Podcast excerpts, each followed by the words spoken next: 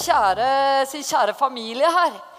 Fordi forrige søndag, når dere hadde, dere hadde jo åpningshelg av Day and Night, så eh, hadde vi en brasilianer som talte her. Roslyn Facho Burner. Var det noen som var på det møtet der? Og fikk høre henne. Hun er brasilianer, men hun er pastor i eh, Milano i Italia. Og det forunderlige det var at når hun var i mitt land, så var jeg i hennes. Så jeg var i Brasil forrige uke. Oi, oi, oi, oi. Og det å klare å formidle inntrykkene derfra, det skal jeg prøve på. ok? Hvor skal man begynne når man har vært i Brasil? Ok, vi, vi, vi, Jeg skal kjøre opp noen av mine bilder fra, fra telefonen min. Eh, hvis vi starter med et sånn kart som man får når man kjører på fly. vet du. Vet, å dra dit bare, det er jo liksom Dette her er skjermen på, på flyet. Så bare å dra dit er liksom 22 timer eller noe sånt. Og eh, jeg visste ikke hva jeg kom til. Jeg var invitert av noen som jeg hadde møtt på en konferanse et sted. Eh, et annet sted i Latin-Amerika eh, for to år tilbake. Og plutselig ble jeg invitert til Brasil, og jeg sa jo til Stefan jeg tar jo ikke imot den invitasjonen, fordi det er jo day and night-åpning. Så det er klart, jeg må jo være her. Stefan du vet Anne, det blir flere anledninger til å bli. vet du. Så du kan dra til Brasil. Det går bra. Ok, Så da dro jeg, da. Jeg er veldig underordnet Stefan. Jeg håper du har skjønt det. Ok, Hvis du ikke har skjønt det, så skal vi ta en prat. Men eh, så, så, da dro jeg, da. Og Mailin ble med, og Miriam Jørgensen, som er gift med Lars Tore Jørgensen, som er, er pastorpar ute i Kolben, Kolbotn-området, Oslo sør, eh, ble med. Og eh, det som er, du må liksom dra, Vi måtte dra helt ned til Sao Paulo, der jeg har vært en gang før. Og så opp til Amazonas. ok? Den byen som står markert der, den heter Manaus. Og denne byen har to millioner mennesker. Det er ikke en veldig stor by i Brasil. Men det forunderlige er at den, og, og når jeg kom hjem og for, for Roslyn spurte meg hvor er det du skal, hvem er det du skal til, jeg sa vet du hva, jeg vet faktisk ikke. Jeg, jeg vet ikke engang navnet på menigheten. Helt utrolig. Og jeg visste, ikke, jeg visste ikke heller at jeg var hovedtaler i konferansen der, så det også fant jeg ut eh, på veien, egentlig. Men eh, Herren eh, gir nåde vet du, til eh, all god gjerning. Så eh, skal vi ta et lite klipp når vi liksom flyr inn. Da, da, da, da ser du liksom eh, Da tar vi litt ut av flyvinduet der.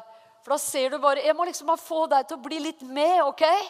Sånn at, eh, at du liksom får litt sånn følelse. For du skjønner at den menigheten jeg var sammen med nå, det tror jeg kommer til å være en partner sammen med oss til, til eh, vi blir rykket opp eller eh, vi flytter hjem. Jeg tror det har skjedd noe helt spesielt med denne forsamlingen. Eh, de, de kommer å, vi kommer til å stå sammen på en helt spesiell måte. Det har skjedd en kobling som er akkurat sånn som vi opplevde når vi, til, vi kom til Sør-Korea. var veldig spesielt å, å, bli koblet opp med, med det som skjedde der. Eh, første gang vi dro til Brasil, så var det også inne i Amazonas-området. en by som, du vet, jeg plutselig Når jeg sitter da på flyplassen i Sao Paulo, så tenkte jeg La meg sjekke hvor nært Santarén er der jeg var forrige gang. Eh, kanskje det er veldig nært, så jeg slo på kartet. liksom. Ja, det så jo kjempenært ut. Så plutselig så ringte jeg de, så sa jeg eh, kanskje, kan, kanskje, jeg kan møte dere også. liksom. Og de lo. ikke sant? Du, Det er to timer med båt liksom, langs Amazonaselven.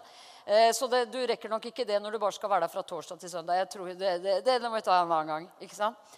Men Amazonas-området er jo enormt fascinerende. Eh, så vi kommer da, Du, du ser liksom skikkelig Amazonas-elven osv. Og, og den staten som vi da er inne i, heter Amazonas. Okay? Og byen der heter Manaus. Eh, skal vi se hva vi skal ta nå? Skal vi ta inn på Kanskje vi bare tar bilde av det her Jesus-tårnet. For at de, de, Manaus eh, har litt sånne høydeforskjeller. Og det her ser jo ikke du, da, men på, det her er det høyeste tårnet i, i byen. Det er, bare Eh, det er noen sånne tårn som de bruker til forskjellig ja, Jeg vet ikke hva de brukes til egentlig, men i hvert fall de forsamlingene der har reist også et sånt tårn på sin eiendom. De har jo 24 timer TV, de har 24 timer radio. De har en sal som tar en 10 11 12 000 mennesker, ettersom hvor mye du får inn der. Eh, altså Du stabler folk kanskje litt sånn i høyden etter hvert. Men, men 10 000 i alle fall. Da, da sitter alle veldig godt. Og så kan det liksom fylle opp langs vegger og midtganger og sånn i tillegg. Eh, men det tårnet der er høyest i byen, og om natten så, altså det har kjempestore bokstaver med Jesus. Og om natten så skifter det liksom i grønt og gult og rødt. og Hele tiden det er det høyeste punktet i byen. Så du ser liksom, så forsamlingen der er liksom bare Jesus på kartet. ok? Og eh, skal vi ta bilde av pastorparet der? Eh, grunnen til at jeg gjør det her med, med dere, kjære venner, det er at det, den koblingen som jeg har fått, den er vår kobling. Skjønner du? Sånn at jeg vil så gjerne at Jesus Church og du som er gjest her også, skal bli velsignet av det her som Gud gjør i Brasil. Og jeg tror ikke på noen tilfeldigheter, jeg tror på gudfeldigheter. Så det at jeg blir invitert inn her, og jeg aner ikke engang hva jeg kommer til Jeg bare kjenner ok, vi, vi drar ut. Vi, eh, vi, er fulle av forventning, selvfølgelig, men, men, jeg vet ikke hva jeg kommer til. Og det jeg kommer til, det er den største menighetsvekkelsen i, altså den største menighetsbevegelsen i Brasil. Eh, det her. Og det her er eh, den største lokale En enkel eh, lokalmenighet i Brasil. Det her er den største. Det her er pastorparet. Han heter Jonathan, og hun heter Ana Lucia. Og hun, Ana Lucia møtte jeg på, var henne jeg møtte da, på en konferanse. Hun ga meg det båndet her og sa da ta det med deg hjem og begjær vekkelse over landet ditt og osv. To år senere så var jeg der, da. ok? Og han Jonathan han, eh, han ble kalt der inn som pastor. Menigheten var 100 år gammel. Eh, han gikk i gang med, med, dette med disipler. Han begynte å fokusere på cellegrupper, det vi kan kalle, enkelt kalle cellegrupper. De, vet, de har et annet navn på det. Men disipler, gjøre disipler, vinne mennesker. Vet du hvor mange mennesker denne menigheten her ber med gjennomsnittlig hver uke? 1500 mennesker i uka. Vet du hvor mange tenåringer denne menigheten her har? Altså når jeg satt ute med medarbeiderteamet vårt før jeg kom inn her, så bare satt jeg og gråt. For jeg skjønner ikke hvordan jeg skal klare å formidle det. Og jeg vil så gjerne formidle det. For jeg vil så at du og jeg skal bli så hungre på å se det samme i Europa. Og jeg vil så at du og jeg skal bære det her for Oslo og for Norge. For vårt eget land. Skikkelig gjennombrudd i Norge. Overskriften over det jeg skal si i dag, det er gjennombruddskraft. Det er det vi trenger. Mer enn noen gang gjennombruddskraft. Og jeg vil snakke om hva er det? Hva er gjennombruddskraft for noe? Hvordan ser det ut? Hvordan er det? Og, og til de her menneskene så er jeg tror kanskje dette er noe av det nærmeste jeg har vært apostlenes gjerninger. Å være midt oppi det her som vi har vært oppi nå. Og, og han gikk i gang, og han fikk så mye motstand fra mennesker som var sånn ja, men 'Vi har ikke gjort det her før, og vi liker ikke det her.' Og, og, og 'Hvorfor skal du gjøre det sånn?' nå? Så de mistet kanskje 1000 mennesker fra forsamlingen sin. Men de var, allerede, de, de var jo allerede Jeg tror de var på den tiden kanskje 90 000 eller noe sånt. Så 1000 var kanskje ikke så Du merket ikke det så godt, men han ønsket jo ikke å miste noen. Mange mange har kommet tilbake igjen av de som gikk. Men det var liksom sånn Nei, det her forstår vi ikke. Nei, det her, vi har ikke gjort det sånn før. Men nå i dag, vet du Og han fikk mye motstand. Du vet, Fienden eh, sørger for motstand mot mennesker som bærer menneskers frelse i sitt hjerte. Og lengter etter å se mennesker frelst. De lengter etter å se Guds rikes gjennombrudd så kommer eh, onde krefter løs. ikke sant? Så det ble litt mye styr. Men han bare holdt fokus og holdt eh, koken. Og, og, vandret full av Guds kjærlighet. Og i dag så, så, så, forteller kona det. Han forteller ikke det selv, da, men kona fortalte at eh, han, han, har en sånn plakett som de har gitt han da, pastorene i byen der, eh, hvor det står 'Apostle of Love'. Så de kaller han for apostelen av kjærlighet. Som, og, og, og, virkelig, altså. For en herlig velsignelse. Jeg skulle ønske jeg kunne ha, ha Når jeg hadde møte ikke sant? Det var jo kvinnekonferanse, og så hadde vi møte på, i menigheten der på søndag. Men, men han, da, han var jo i alle møtene med kvinnene. ikke sant? Og, og et siste møtet jeg hadde med kvinnene, så sa jeg at eh, pastor, kan ikke du komme opp og be? Å, kjære tid, altså. Han kom opp, og han ba. Å, gode tid, hvordan de ber. Altså, bønn Jeg vet ikke Å, kjære Herre, gi oss nåden som bønn sånn til virkelig å be. Men komme ut av på en måte, det der som bare er den menneskelige tankens formulerte bønn. Den, den fins også. Men det å hengi seg til Den hellige ånd, så du kan høre Den hellige ånds nød for mennesker i det her bønneropet som, som kommer når, når, eh, når, mennesker blir så fylt av Guds kjærlighet og fylt av Guds ånd at det liksom det får bare stå til. ikke sant? Vi ber. Og de ber så kraftig for Manaus og for Brasil at vet du hva de gjorde forrige gang de hadde Jesusmarsj i den byen? Det er to millioner mennesker i byen. De mobiliserte alt, som, alt de kunne komme på av bevegelser. Og, og, inn på TV, inn på radio for å få folk med på Jesusmarsj. For å demonstrere for Brasil at, at troen står. ikke sant? Troen står sterk. De møter akkurat de samme, eh, samme motstanden som vi møter i Europa. egentlig. Så de bare skjønner at hvis ikke de står på nå, så kommer de til å oppleve det samme som har skjedd i Europa. Så, så, så, de er skikkelig bestemt på at eh, Brasil skal ikke gå den veien der. Brasil skal gå videre og videre med Gud. Så vet du hvor mange de mobiliserte for Jesusmarsj? Jeg vet ikke om de busset folk inn fra andre steder, jeg aner ikke. Men de i hvert fall I Manaus, en liten by, ikke sant? to millioner mennesker bare, så gikk én million i Jesusmarsj. Kjære Jesus, altså. Og, og, og, og de her de, Jeg vet ikke om du kan se hvor enkle og gode de menneskene der er. Men, eh, men det, de, de, kommer helt sikkert hit og besøker oss. Det er jeg helt sikker på. Kommer til å komme hit. Da må vi bare klemme dem alle sammen. altså.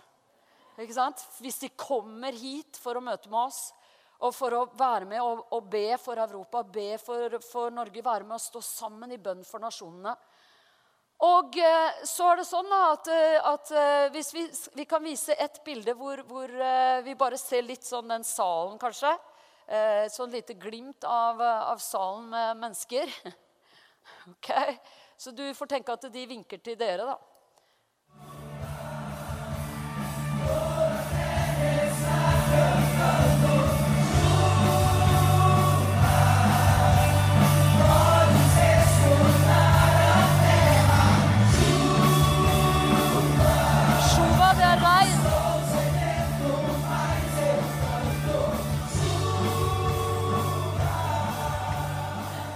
OK? wow. uh, vi, vi, uh, Mylin tok og filma også så, et, Vi kan se et lite klipp av at jeg Vi får se hvordan det virker, om du kan høre det. Men jeg i hvert fall bare roper det dem be for Europa. Vi får se om vi, om vi klarer å få opp det. Uh,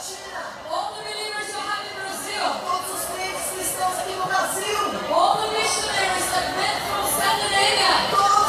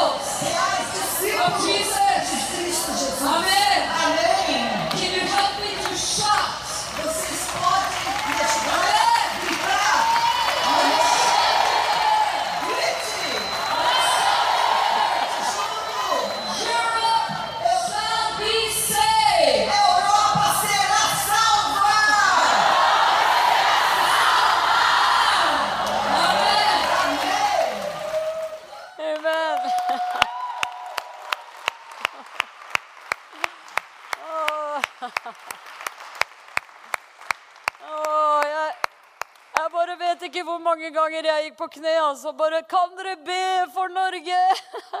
I ledermøter, i samlinger, i møter med pastorer og ledere. Vær så snill, be for Norge! og, og vet, I min egen familie så er broren til min bestefar reiste til Brasil og, og plantet uh, menigheter i en fire-fem uh, byer der. Og, og, bestefar og bestemor dro til Brasil vet du, og, og uh, opplevde vekkelsen der. Og, og, det var faktisk det første som Arild Edvardsen støttet med innfødt evangelistmisjon. For han som het Leif Andersen, broren til uh, min bestefar Enok Andersen, han satte inn en liten sånn uh, annonse i KS hvor han sa at 'jeg trenger støtte til noen innfødte evangelister'. Og Arild så det, og boom! Det er det jeg skal gjøre. Så det ble liksom de første han støttet.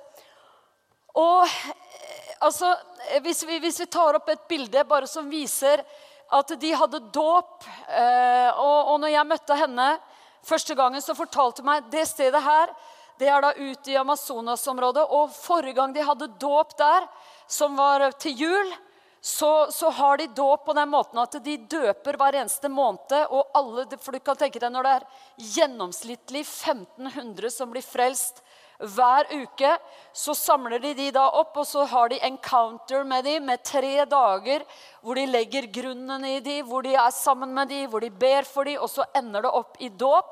Og det gjør de hver eneste måned hver eneste måned. De, de, har liksom ikke mulighet da til hvis de, de må ha en kjempearena ikke sant, for å samle menigheten. Menigheten har 1100 forsamlinger i byen Manaus.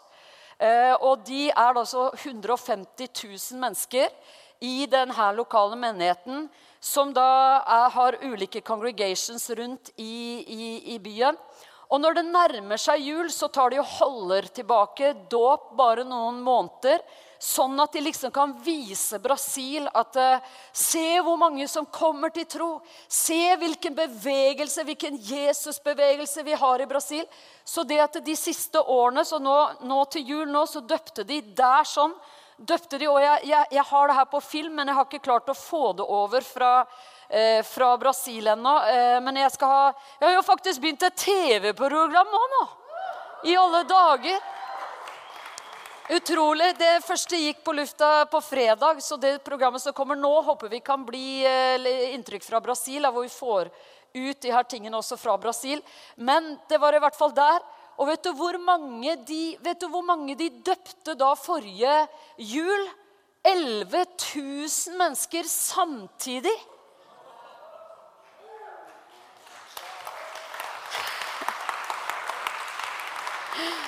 Oh, lord! Vet du, vi, vi, har kanskje lest om 3000 på pinsedag, har vi ikke det? Og jeg må si at jeg har tenkt liksom, Når 3000 blir døpt samtidig i alle dager, hvordan gjorde de det? liksom? Og de var jo bare 120 som var håndlangerne i den dåpen ikke sant? og skulle se at det gikk bra. Men, men, altså, de har bare og, og, det var ikke noe sånn at eh, ja, her kjører vi latino-stil. vet du, det, det, det som skjer, det skjer. Jeg kan ikke si deg mer. ikke sant? Det var ikke noe sånn at ja, vi begynner møtene litt nå og da, og vi, vi ser åssen det går. Det var alt på tiden! Hver bidige møte startet på tid, og da var, hele, da var alle på plass når møtet begynte.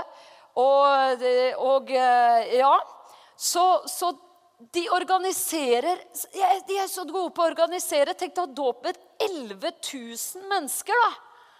Og få det til. Og da står det sånn at alle pastorer da er med i, i og alle cellegruppeledere og alle er involvert i den dåpen. Dere, Overskriften over det jeg vil si i dag, det er tre ord. Det samme ordet gjentatt tre ganger. Torsdag som var denne uka her, så var det ti år siden Arild Edvardsen dro hjem til himmelen. Og vi har TBBMI her i huset. Det er hans bibel- og misjonsinstitutt som vi forvalter. Og vi virkelig eh, vi ber om at det mandatet der skal forvaltes på aller beste måte. Eh, hvor mange er det her som er her, og du går på TBBMI? Eh, så, så, så yes. Amen. Og det var så spesielt. Jeg står og så sier jeg liksom at sier jeg, står og underviser da, ikke sant, kommet fra Brasil og eh, skal legge grunnen da i den første, første, grunnleggende tingene som vi starter med. Og så står jeg og sier jeg at eh, ja, det er jo i dag, faktisk, på torsdag da, I dag så er det ti år siden Arild Edvardsen gikk hjem til Herren. Men, og han som startet dette eh, Bibel- og misjonsinstituttet, han begynte ut med å be til Gud på den måten. Jeg står og forteller elevene det her. Så begynte han å be på den måten her at liksom Gud, la meg, om, om, om så du bare kan la meg vinne én, Herre. Og så kjente han liksom at på innsiden så var det nei, det fins mer. Og han hørte seg selv liksom be. Jeg må få vinne mange, Gud. Men så sa han å nei, nei, nei, det er ikke hellig, det er ikke bra. Hvor, hvor, hvor, hvor skulle jeg vinne, vinne mange? Den sammenhengen han var i, var liksom jo, jo, frommere du jo var, jo mindre mål satte du på bønnen. ikke sant? For det viste liksom at du var skikkelig from. Og han ønska jo selvfølgelig å være skikkelig from. Så han, han, ba å ja, nei, kjære Gud, tilgi meg at jeg, jeg, begynte å be om mange. Tilgi meg for det, Herre. For jeg mener jo det at det aller viktigste er å vinne én. Og verden kommer til å vinnes én for én. Amen. Så det er en veldig viktig bønn å vinne den ene, for vi vinner vi ikke den ene, så vinner vi ingen.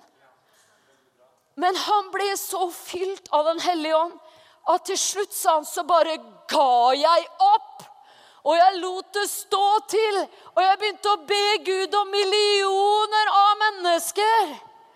Og han, hans liv har vært med å føre Vi aner ikke hvor mange, vi kan i hvert fall si hundretusener Eh, inn i Guds rike.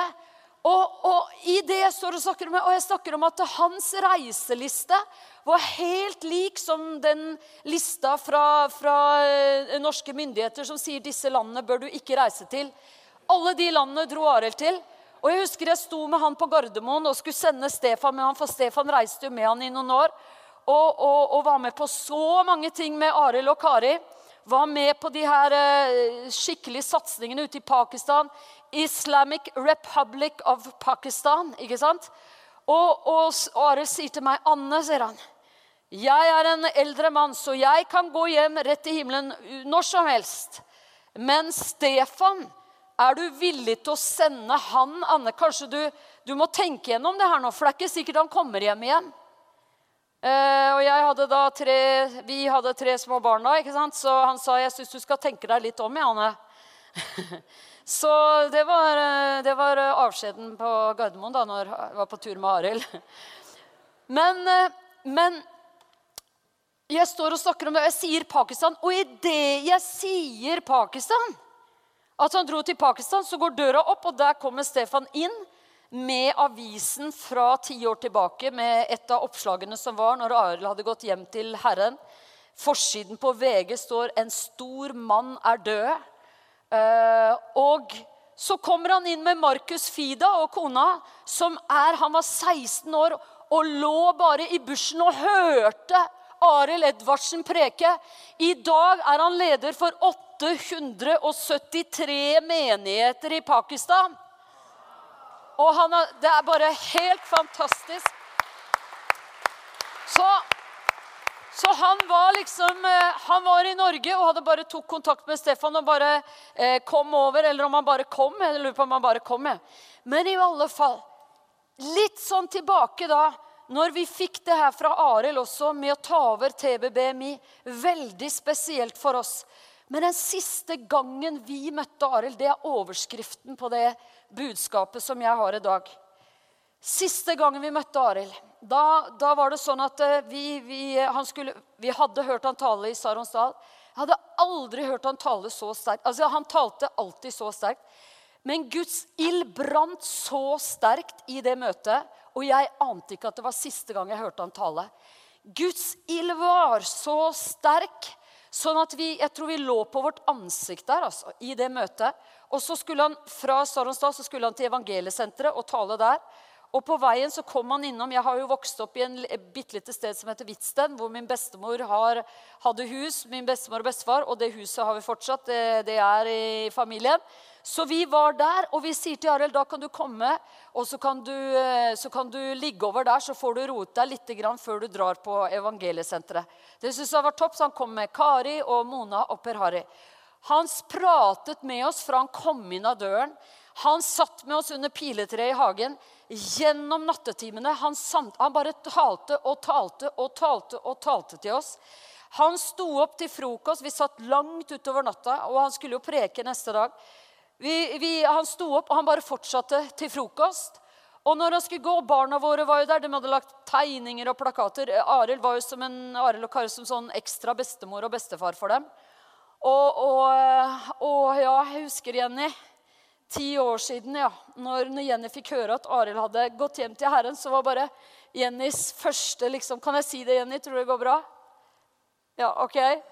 Uh, du vet nesten sikkert ikke hvilke av de tingene du sa, som jeg kommer til å si, men i hvert fall så var Jenny bare med en gang etter at vi Vår egen personlige sorg over det tapet der, men selvfølgelig himmelen. Halleluja. Men Jenny var bare Å, mamma, hvordan Å, hvordan skal Herren få reist opp noen som er like god som Arild? Å, Herren må få reist opp noen som, flere som er like gode som Arild. Var liksom første bønnen med en gang. Gud, å, vet du, Gud må gjøre det. Herren må reise opp pionerer, han må reise opp troende på arbeidsplasser, nabolag, studiesteder. Familier og slekter som bare elsker Gud og elsker mennesker. Som bare fortsetter og fortsetter og fortsetter. Som bare fortsetter til, til vi møter med Jesus. Amen. Og, og, og Arild tar da når han går ut av huset og skal reise, så går vi bort til bilen, og han sier liksom ikke 'ha det', ingenting. Så tar han bare Stefan i hendene, og så sier han bare 'Gjennombruddskraft! Gjennombruddskraft! Gjennombruddskraft!' Satte han seg inn i bilen og kjørte, og vi løp etter bilen. Barna løp etter bilen. Og jeg tenkte så tenkte jeg dette er nesten sånn avskjed man tar med noen hvis man tror man ikke skal se dem igjen. Og det var siste gang vi så Arild. På denne siden her. Og de ordene der, det er overskriften i dag. Gjennombruddskraft. Gjennombruddskraft. Gjennombruddskraft. Vår tid har så store problemer. Og verden sliter skikkelig. Men du kan slå opp en avis, og det er bare Å, kjære Gud, hvor bærer det her hen? Hvordan skal mennesker finne veien? Hvordan skal mennesker finne ut av livet sitt? Hvordan skal det gå med barn som vokser opp? Hva med familier? Hvordan, den oppløsningen av relasjoner mellom mennesker. Å, kjære Gud, vi trenger gjennombruddskraft. Å, Guds menighet trenger å være sunn og sterk og vital. Engasjert for Guds rike. Guds menighet bare trenger sånn, sånn som er blitt her nå, at det er mulighet til å komme inn og lovsynge og tilby Gud.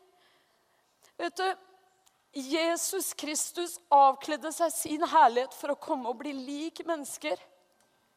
Og vet du, Gjennombruddskraft, vet du hva jeg tror det virkelig er? Jeg tror det er Guds kjærlighet som er den sanne gjennombruddskraften. Jeg tror den, ikke, den, den, kraften der den kan ikke noen ting stå seg imot.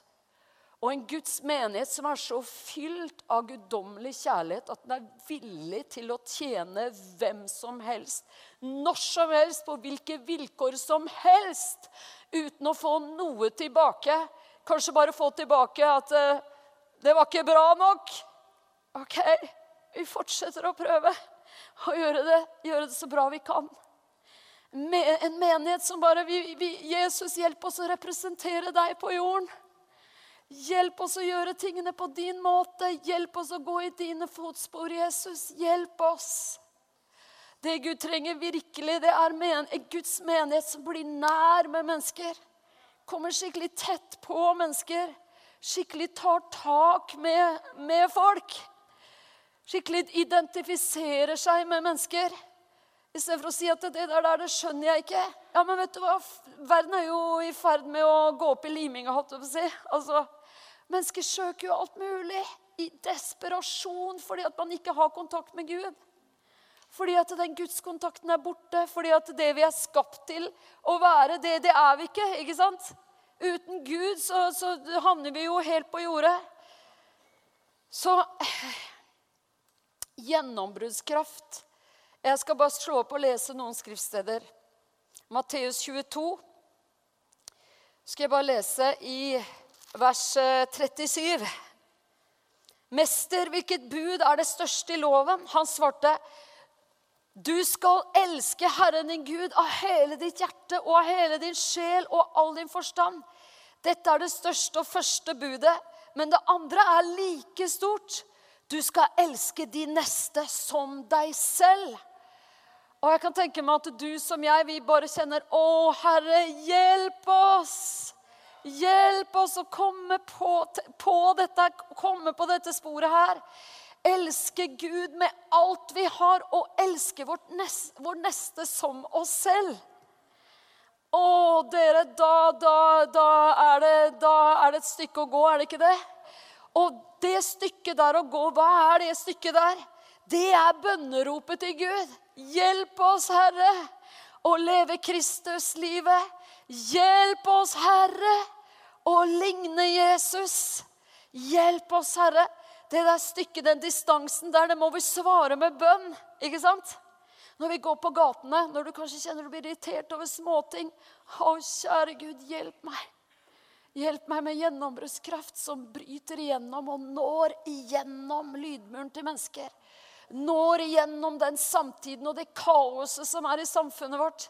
Du slår på Hvis jeg satt og leste i natt, å, de siste oppslagene fra liksom jeg hadde vært borte i Brasil Det er jo liksom bare man kjenner, det er til å gråte av. ikke sant? Veldig mye av det man ser. Å gråte er det man bør, både over sin egen eh, likegyldighet, mangel på tilstedeværelse osv. Og, og gråte over den nød som er over den tiden her vi er i. Men i Brasil fins det en menighet som vil koble med oss. Som har ikke sant, mer enn 30 000 tenåringer i sin menighet. Og når jeg talte der på, på søndagen i en av de congregations da, er typisk du. Så, så, kommer det opp herlige pastorer og ledere. Og, og, herlig å komme inn der, vet du. Så, så, så trengte jeg en ung gutt da, til å være liksom, For jeg skulle vise at på en måte det som har startet i én generasjon, som har gått fra besteforeldre til foreldre til barn Den troen som først bodde i din mormor Louise, i din mor Unike, som bor også i deg, Timoteus. Den troen der skal føres videre. Så jeg trengte en ung gutt å være et sånn eksempel for meg. Så jeg så en ung gutt som liksom lyste opp i forsamlingen der, så jeg tok ut han. Kom her, sa jeg. Så fikk jeg pastorene da, til å være liksom eldste og eh, besteforeldre og far. Og, og, han her var sønnen da, ikke sant, som skulle læres opp. Og vi spilte et bra skuespill der til forsamlingens glede. Men det som skjedde vet du, med denne gutten her, det var jo at, at eh, det satt en, en, litt eldre kvinne ved siden av han, så jeg visste ikke var det moren, hvem var det liksom, men hun begynte jo å gråte når han sto der framme. Der, ikke sant? Og han, eh, han sto liksom der og var så kul da, vet du, og med sine to eh, svære Ikke så svære, egentlig. Ikke, ikke sånn med hull igjennom, men eh, øredobber. ikke sant, Svarte øredobber og, og liksom Ja. Men en kjempeherlig ung gutt. Vi har jo bilde av men vi rekker ikke å få opp det nå. Men da, selvfølgelig, han var da en som hadde vært borte fra Jesus i lange tider var tatt med av tanta si på det møtet der. Og han kommer da fram etterpå og sier jeg vil, ta, jeg vil overgi meg til Jesus igjen. Tanta gråter i bøtter og spann. Moren kommer løpende, og mor og sønn kaster seg om halsen på hverandre. Fantastisk, altså. Én og én, folkens. Yes, Én og én. Jesus tar mennesker én for én på den måten som bare han kan gjøre det. Så, så, så det var nådefullt. Men, men du vet eh, det, det, å, det, å, tenke på Guds menighet det er på en måte bare, altså, Tenk at vi er en del av Guds menighet. Herre. Tenk at vi er en del av det Gud gjør utover hele jorden. Tenk at vi er en del av det, dere. Det her er vi en del av. Dette har vi kommet inn i. Det her får vi lov å leve i. At vi er Guds menighet, vi er Guds familie, og vi er familie med hverandre. Jeg skulle ønske jeg kunne hatt hele gjengen hjemme hos meg etterpå. ikke sant? Vi spist eh, karbonader og stekt eh, et eller annet og ordnet opp litt og hatt eh, fellesskap. Men vi får jo ikke det til i ett hus. Men vi kan jo få det til i mange hus.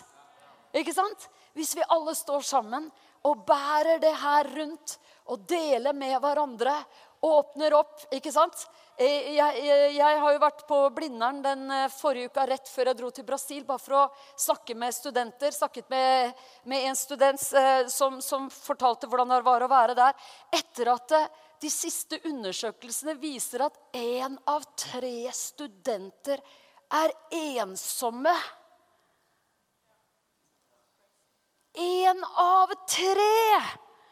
Det er en enorm eskalering av opplevelse av ensomhet.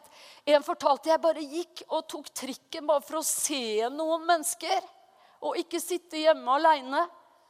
Så du vet ikke hvem du har på trikken. vet du. Ikke sant? Det kan være det er en der som er som han gutten med øreringene ikke sant? og som hadde holdt seg borte en stund. Eh, som trengte det at eh, Ikke bare var han i møte, men han trengte faktisk å komme helt fram. Vet. Og jeg står og sier, ikke, til han, ha, sier til han har du noen gang vært på kontoret til pastoren? Eh, nei. nei. Så jeg sier til pastoren, for jeg hadde jo vært på det fantastiske kontoret så jeg sier til pastoren, ja, men inviterer du han da, jeg, til kontoret ditt? Eh, ja, jeg får vel kanskje gjøre det, da, sier han. ikke sant? Så, så de hadde avtale da, eh, og, og han sier at ja, men jeg inviterer han på en pizza jeg da, inn på kontoret mitt. så... Så, så close måtte han bli. Han måtte bli satt så fram for menigheten. Og etterpå så var det jo liksom herlig med tre-fire karer som bare kastet seg rundt han og bare, bare ja, nå passer, følger dere opp han, ikke sant? Ja, selvfølgelig! ikke sant? Eh, vi er hans nye venner. Å, Guds menighet er fantastisk. Det er det beste som fins. Det er Guds menighet. Og det er vi. Kristi kropp. Kroppen til Jesus. Jesus i aksjon. Jesus synlig i all vår ufullkommenhet på vei i bønn om Gud, hjelp oss! Bli mer og mer lik Jesus. Jeg leser noen skriftsteder til, OK? Fordi at eh, Romerne 12, 17 vi, vi, kan egentlig, Før vi går dit, så bare tar vi Jeg leser, jeg leser bare Matteus 5. Jeg, jeg, dette her er vel kanskje de dette her er sånne veldig spesielle vers jeg skal lese nå, ikke sant? som vi elsker disse versene, og som vi aldri kan høre for ofte. Dette her er gjennombruddskraft. Det er gjennombruddskraft. Det er bønnens kraft til å holde ut når ting skyller imot for å gjøre oss motløse, for å stoppe oss. Det er gjennombruddskraften som sier 'jeg fortsetter å be'. Jeg fortsetter å tro på vekkelse. Jeg fortsetter å tro på at vi kan følge Jesus i en tid som denne. Jeg fortsetter å tro. Jeg vil fortsette å gå i Jesu fotspor. Det er gjennombruddskraften som Arild Edvardsen ba, ba, om, og som han forløste, og som han bar med livet sitt. Dere har hørt det sagt, Matteus 5, 43. Du skal elske din neste og hate din fiende. Det var den gamle pakt. Men jeg sier dere, elsk deres fiender. Kan vi få høre det høyt her? Elsk deres fiender. Hvem andre enn Guds menighet er det som kan gjøre det? Som har det som motto, liksom. Vi skal elske fiender. Jeg vet ikke om noen andre, andre som har det som motto, ja. men det har Jesus. Og det er hans kjennetegn på hans folk det er de folka der. De elsker fiendene sine. Velsign dem som forbanner dere. Jeg tror vi sier det også høyt. Velsign dem som forbanner dere. Gjør godt mot dem som hater dere. Gjør godt mot dem som hater dere. Dette er Guds folk, altså. Dette er gjennombruddskraft, det. Det her snur opp ned på verden, altså. Det her er at disse som oppvigler hele verden, de har også kommet hit. Det er en så sterk kraft. Det er en evangelisk kraft som forkynner evangeliet gjennom å leve på denne måten her. Slik kan dere være barn av deres far i himmelen, for han lar sin sol gå opp over onde og gode og lar det regne over rettferdige og urettferdige. urettferdige. Og dette her er kanskje det som ligger oss mest nær å tenke på i dag. Om dere elsker dem som elsker dere, er det noe å lønne dere for. Det er mesterens ord, altså. Jeg elsker jo de folka der, vet du. Ja, men det er jo ikke noe vanskelig, det. De elsker jo deg. Det er jo så lett som bare det. Det går jo bare av farten. Det er jo nydelig å være sammen med mennesker som, som er gode mot en, og som man trives sammen med, og som det bare er herlig. Kjemien bare er topp. Men det er de der som ikke elsker deg.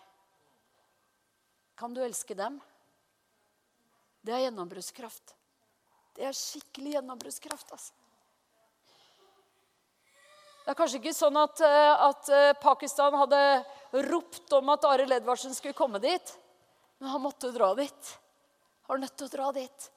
To the Islamic Republic of Pakistan. For å vise Guds kjærlighet. Kanskje for oss er det bare å gå en dør på gangen. Istedenfor å bare gå forbi de samme dørene hvis du bor i en blokk. Ute, det har jeg gjort. Gå forbi de samme dørene hele tiden uten å tenke på hvem som bor der. Ups, stopp opp. Hvem er det som egentlig bor her? Ja, men det er den sureste naboen i hele huset bor jo her. Ja, akkurat. Da har du fått en utfordring. Jeg har fått en oppgave, da. Da får vi en oppgave for å vokse i dette. Jeg leser et skriftsted til Romerne 12. Så må du tenke Mange ganger når vi tenker gjennombruddskraft, så tenker vi tegn, under, mirakler. Amen for det! Den hellige ånds kraft tegn, under og mirakler. Men det her er det største mirakelet av alt. Det her er det største av alt. Romerne 12. Skal lese vers 17. Gjengjeld ikke ondt med ondt. Ha tanker for det som er godt for alle mennesker. Hold fred med alle. Romerne 12, 17, 18. Hold fred med alle om det er mulig, så langt det står til dere. Ta ikke hevn, mine kjære, men overlat vreden til Gud, for det står skrevet:" Hevnen hører meg til, jeg skal gjengjelde, sier Herren. Men er din fiende sulten, så gi ham mat. Er han tørst, så gi ham drikke. Gjør du det, samler du glødende kull på hans hode. La ikke det onde overvinne deg men overvinn det onde med det gode. Dette er et mandat til Guds menighet. Dette er sånn Guds menighet skal, skal holde på. Nå har vi fått et, eh, et Day and Night-senter her med bønn, lovsang og barmhjertighet som vi ber om skal bli 24-7. Og vet du hva? Vi kan komme, vet du, kan komme tanker som er Å, kjære tid! Det blir slitsomt, det. Hvem tror det er som sier det? Tror du det er Den hellige ånd? Nei, det er ikke Den hellige ånd. Vet du hva Den hellige ånd sier? Dette er en gave til dere, sier Den hellige ånd. Dette er en gave til dere. Kom og smak. Kom og kjenn at Gud er god. Ta deg tid til å være i Guds nærhet. Ta deg, ta deg tid til å bli fylt av Den hellige ånd, så at du kan leve dette livet som vi lengter etter å leve. For vi kan ikke leve det uten Den hellige ånd. Vi kan ikke leve det i menneskelig kraft. Det er ikke mulig. Vi, vi, vi får det ikke til. Klarer ikke. Vi har ikke sjans. Så vi må hente. Vi må fylles. Det kan du selvfølgelig gjøre hjemme. Det kan du gjøre på gatene. Det kan du gjøre på jobb. Det kan du gjøre all the time. Paulus han ba hele tiden. Han var alltid i bønn. Men vi får også muligheten til å bare komme et sted. Komme sammen. Søke den høyeste Gud tilbe Herren. Være med og se noen som kommer inn, som kanskje ikke er eh, så veldig inne i alt sammen ennå. Være med å velsigne, være med å be, skjenke en kopp kaffe. Etter hvert hva som kommer til å strømme ut fra dette senteret, det vet bare Herren. Vi vet at han har tatt oss inn et sted hvor det står i taket 'Be uavlatelig'. Og det står her på, på fronten her 'Gud er kjærlighet'. Det står nedover 'Lovsyng Herren' ofre Gud takksigelse. Vær glade i håpet. For et sted det her er. Og det kan bli et senter for alt Guds folk. Mange mange har stilt seg bak det her nå og vil komme inn til Oslo og være med tre dager, to dager, kanskje en uke. Bli med fra andre steder i Norge. Gjennombruddskraft. Gjennombruddskraft. Å, jeg har bare bedt, kjære Gud, kan du være så snill og bare legge det over oss? Denne gjennombruddskraften. Det her som Arild sa til Stefan, han hadde levd i det. Han kjente kampen mot Goliat på innsiden. Frykten for ikke å lykkes, frykten for ikke å klare å lyde Gud. Frykten for ikke å strekke til, frykten for ikke å ha ressursene nok. Frykten for ikke å nå de målene som han opplevde, som, som han fikk i Herren. Gjennombruddskraft. Samfunnet med Jesus. Vet dere hva jeg skulle ønske? Det her, er, det, det her, gjør vi kanskje jeg vet, ikke, vet, ikke, når sist jeg var med på det. Men jeg skulle egentlig ønske at vi, vi sammen kunne gjøre en sånn troshandling om å ta imot gjennombruddskraft. At vi kunne reise oss opp og så bare samle oss. Vi klarer ikke alle å komme fram her, men vi kunne kanskje gå litt ut av benkene, samle oss litt, bare ta noen steg ut av akkurat der du sitter. Og så sitter jeg her en herre. Vi vil ha gjennombruddskraft. Vi vil koble med det du gjør i, i denne verden. Hvis du tenk, tenker du at du kan eh, like gjerne ta det der hvor du står, fordi det blir litt sånn uorganisert. Syns du det er like greit? Kan du gjøre det? Men vi må ta det alle sammen sammen. Vi må bare ta det imot. Ta det imot. Vet du hva? Denne menigheten i Brasil de sier bare 'Vi kobler med dere'. Nå har de bedt oss å komme tilbake til deres ungdomskonferanse. Eh, og tale til ungdommene der. Og, og, og gå i gang der og, og, bare skikkelig bare være med. Jeg skulle ønske at, at det kom noen jeg skulle, jeg skulle, skikkelig ønske at noen sa at vi, vi, eh, vi sender hele Jesus Revolution dit. Det hadde vært så herlig å ha et team som bare dro dit. i alle fall ett team som kunne dra dit. En jente der som jeg møtte, hun, hun sang sekulært og var berømt. ikke sant? Eh, sånn og, og, og, kom opp til 18-årsalderen, og de sa det til henne i plateselskapet at du får ikke lov å, å, snakke mer om Jesus. Så hun sa at ja vel, hvis den tiden er over, så er også min tid med dere forbi. Jeg fortsetter å snakke om Jesus på alle mine konserter. på alt jeg holder på med. Hun har konserter for 100 000 unge mennesker i én konsert. Det er fin størrelse. Og hun var bare Anne, vi skal ha We're gonna see a Jesus revolution in all the world. We are ready for it in Brazil. We're going to have a Jesus revolution. Amen. We will stand together in the whole world and we're going to see Jesus glorified. Young people on fire for Jesus. Amen. Hva er en Jesus-revolusjon? Det er det her. En revolusjon av hjertet. Ikke min vei, Herre, men din vei. På studiestedet mitt Jesus. Jeg kom på Blindern. Det var helt utrolig når jeg var der. Jeg har ikke vært der på lange tider. Jeg kom dit bare for å snakke med en student. Så tenkte jeg må bare sjekke inne her på Fredrikke og se liksom åssen det er her. Og kapellet var helt liksom når jeg startet studentarbeid der sammen med én venninne i 1987. Det var prikk likt, alle sammen. Bortsett fra folka, da, selvfølgelig. Det var jo nye folk. I hvert fall noen av de. Kommer jeg opp i, opp i, spisesalen der, så kommer det vet du, Det er nesten som steinene prater. vet du. Så kommer det en type bort til meg med sånn, Han jobbet jo på universitetet, da. Så er det bare Er det Anne? Ja, ja, ja, det er Anne. I alle dager, er du her? Skal du starte menighet her? Nei, nei, nei, jeg har ikke noen planer om det. Uh, ja, men eh, det burde du gjøre. Det skjer jo ingenting her. Eh, nå fikk jeg jo skikkelig håp når jeg så deg. Husker du meg, eller?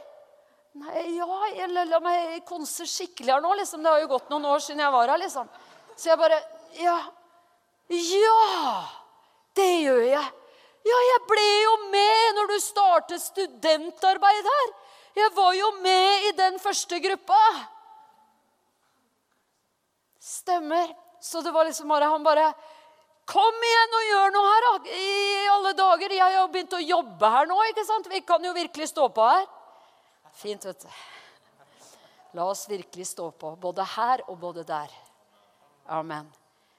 Men gjennombruddskraft Overvinne det onde med det gode. Når vi ser mørket bare bli mørkere, la oss tenke det her kan overvinnes med det gode. Det her, her kan vi skru på mer lys. Her kan vi skru på mer godhet. Her kan vi se en, en, rett og slett en skikkelig aksjon for misunnelsesevangelisering. hvor vi troende vi er så varme og fylt av Den hellige ånd at folk bare 'Jeg må ha det der du har'. Jeg bare må ha det. Hvordan går det an å leve sånn? Hvordan går det an å være sånn? Du, du skjønner at uh, du, kan koble, du, kan kobles til. skjønner Du kan, uh, du, du kan bli påkoblet. Det her. Det er en, uh, en hendelse som skjer i hele verden. Skal vi ta imot fra Herren for det som vi er i her nå? I Oslo, i Norge. Amen. Herre, vi tror på det at vi ikke behøvde da å komme fram alle sammen. Men vi vil ha det alle sammen. Vi vil ha gjennombruddskraft. Vi vil ha det der som gjorde at Arild Edvardsen Det var det han ville si til neste generasjon. Når han tok en yngre predikant i hendene siste gang og sa Gjennombruddskraft! Gjennombruddskraft! Gjennombruddskraft! Jesus, vi vil ha det i våre hjerter. Det der som bryter igjennom. Det der som bryter egoismen. Det der som bryter likegyldigheten. Det der som bryter det forsakte. Jesus, det som bryter usikkerheten. Herre, vi vil ha det her av gjennombruddskraft som finnes i den kjærligheten som er utgitt i våre hjerter, som gjør at vi kan vende det onde til det gode, Herre. Som gjør at vi kan vende det andre kinnet til. Som gjør at vi kan fortsette og fortsette og fortsette. Herre, vi priser og lover deg denne kjærligheten, Jesus. Herre, dette nærværet av deg. Jesus, vi bare ønsker å invitere Den hellige ånd inn for å fylle oss med denne overnaturlige kjærligheten til andre mennesker. I dag og hver dag. Vi inviterer Den hellige ånd inn. Skal vi si det sammen? Hellige ånd, jeg Hellige ånd, jeg inviterer deg inn til å fylle meg med overnaturlig kjærlighet til andre mennesker. Hellige Ånd, jeg ber deg. Lær meg å elske slik Jesus elsker. Hellige Ånd, vi ber om å bli fylt. Så fylt at ingenting kan hindre oss i å gi det videre. Vi trenger at vårt indre er så fylt at det flyter over. Slik at vi har evnen til å elske mennesker som fornærmer oss. Som eh, det er ubehagelig å omgås. Vi vil ikke trekke oss tilbake. I Jesu navn. Gjennombruddskraft. Gjennombruddskraft. Gjennombruddskraft i Jesu navn. Forvandle Oslo, Herre, med din gjennombruddskraft i Jesu navn. Amen. Halleluja.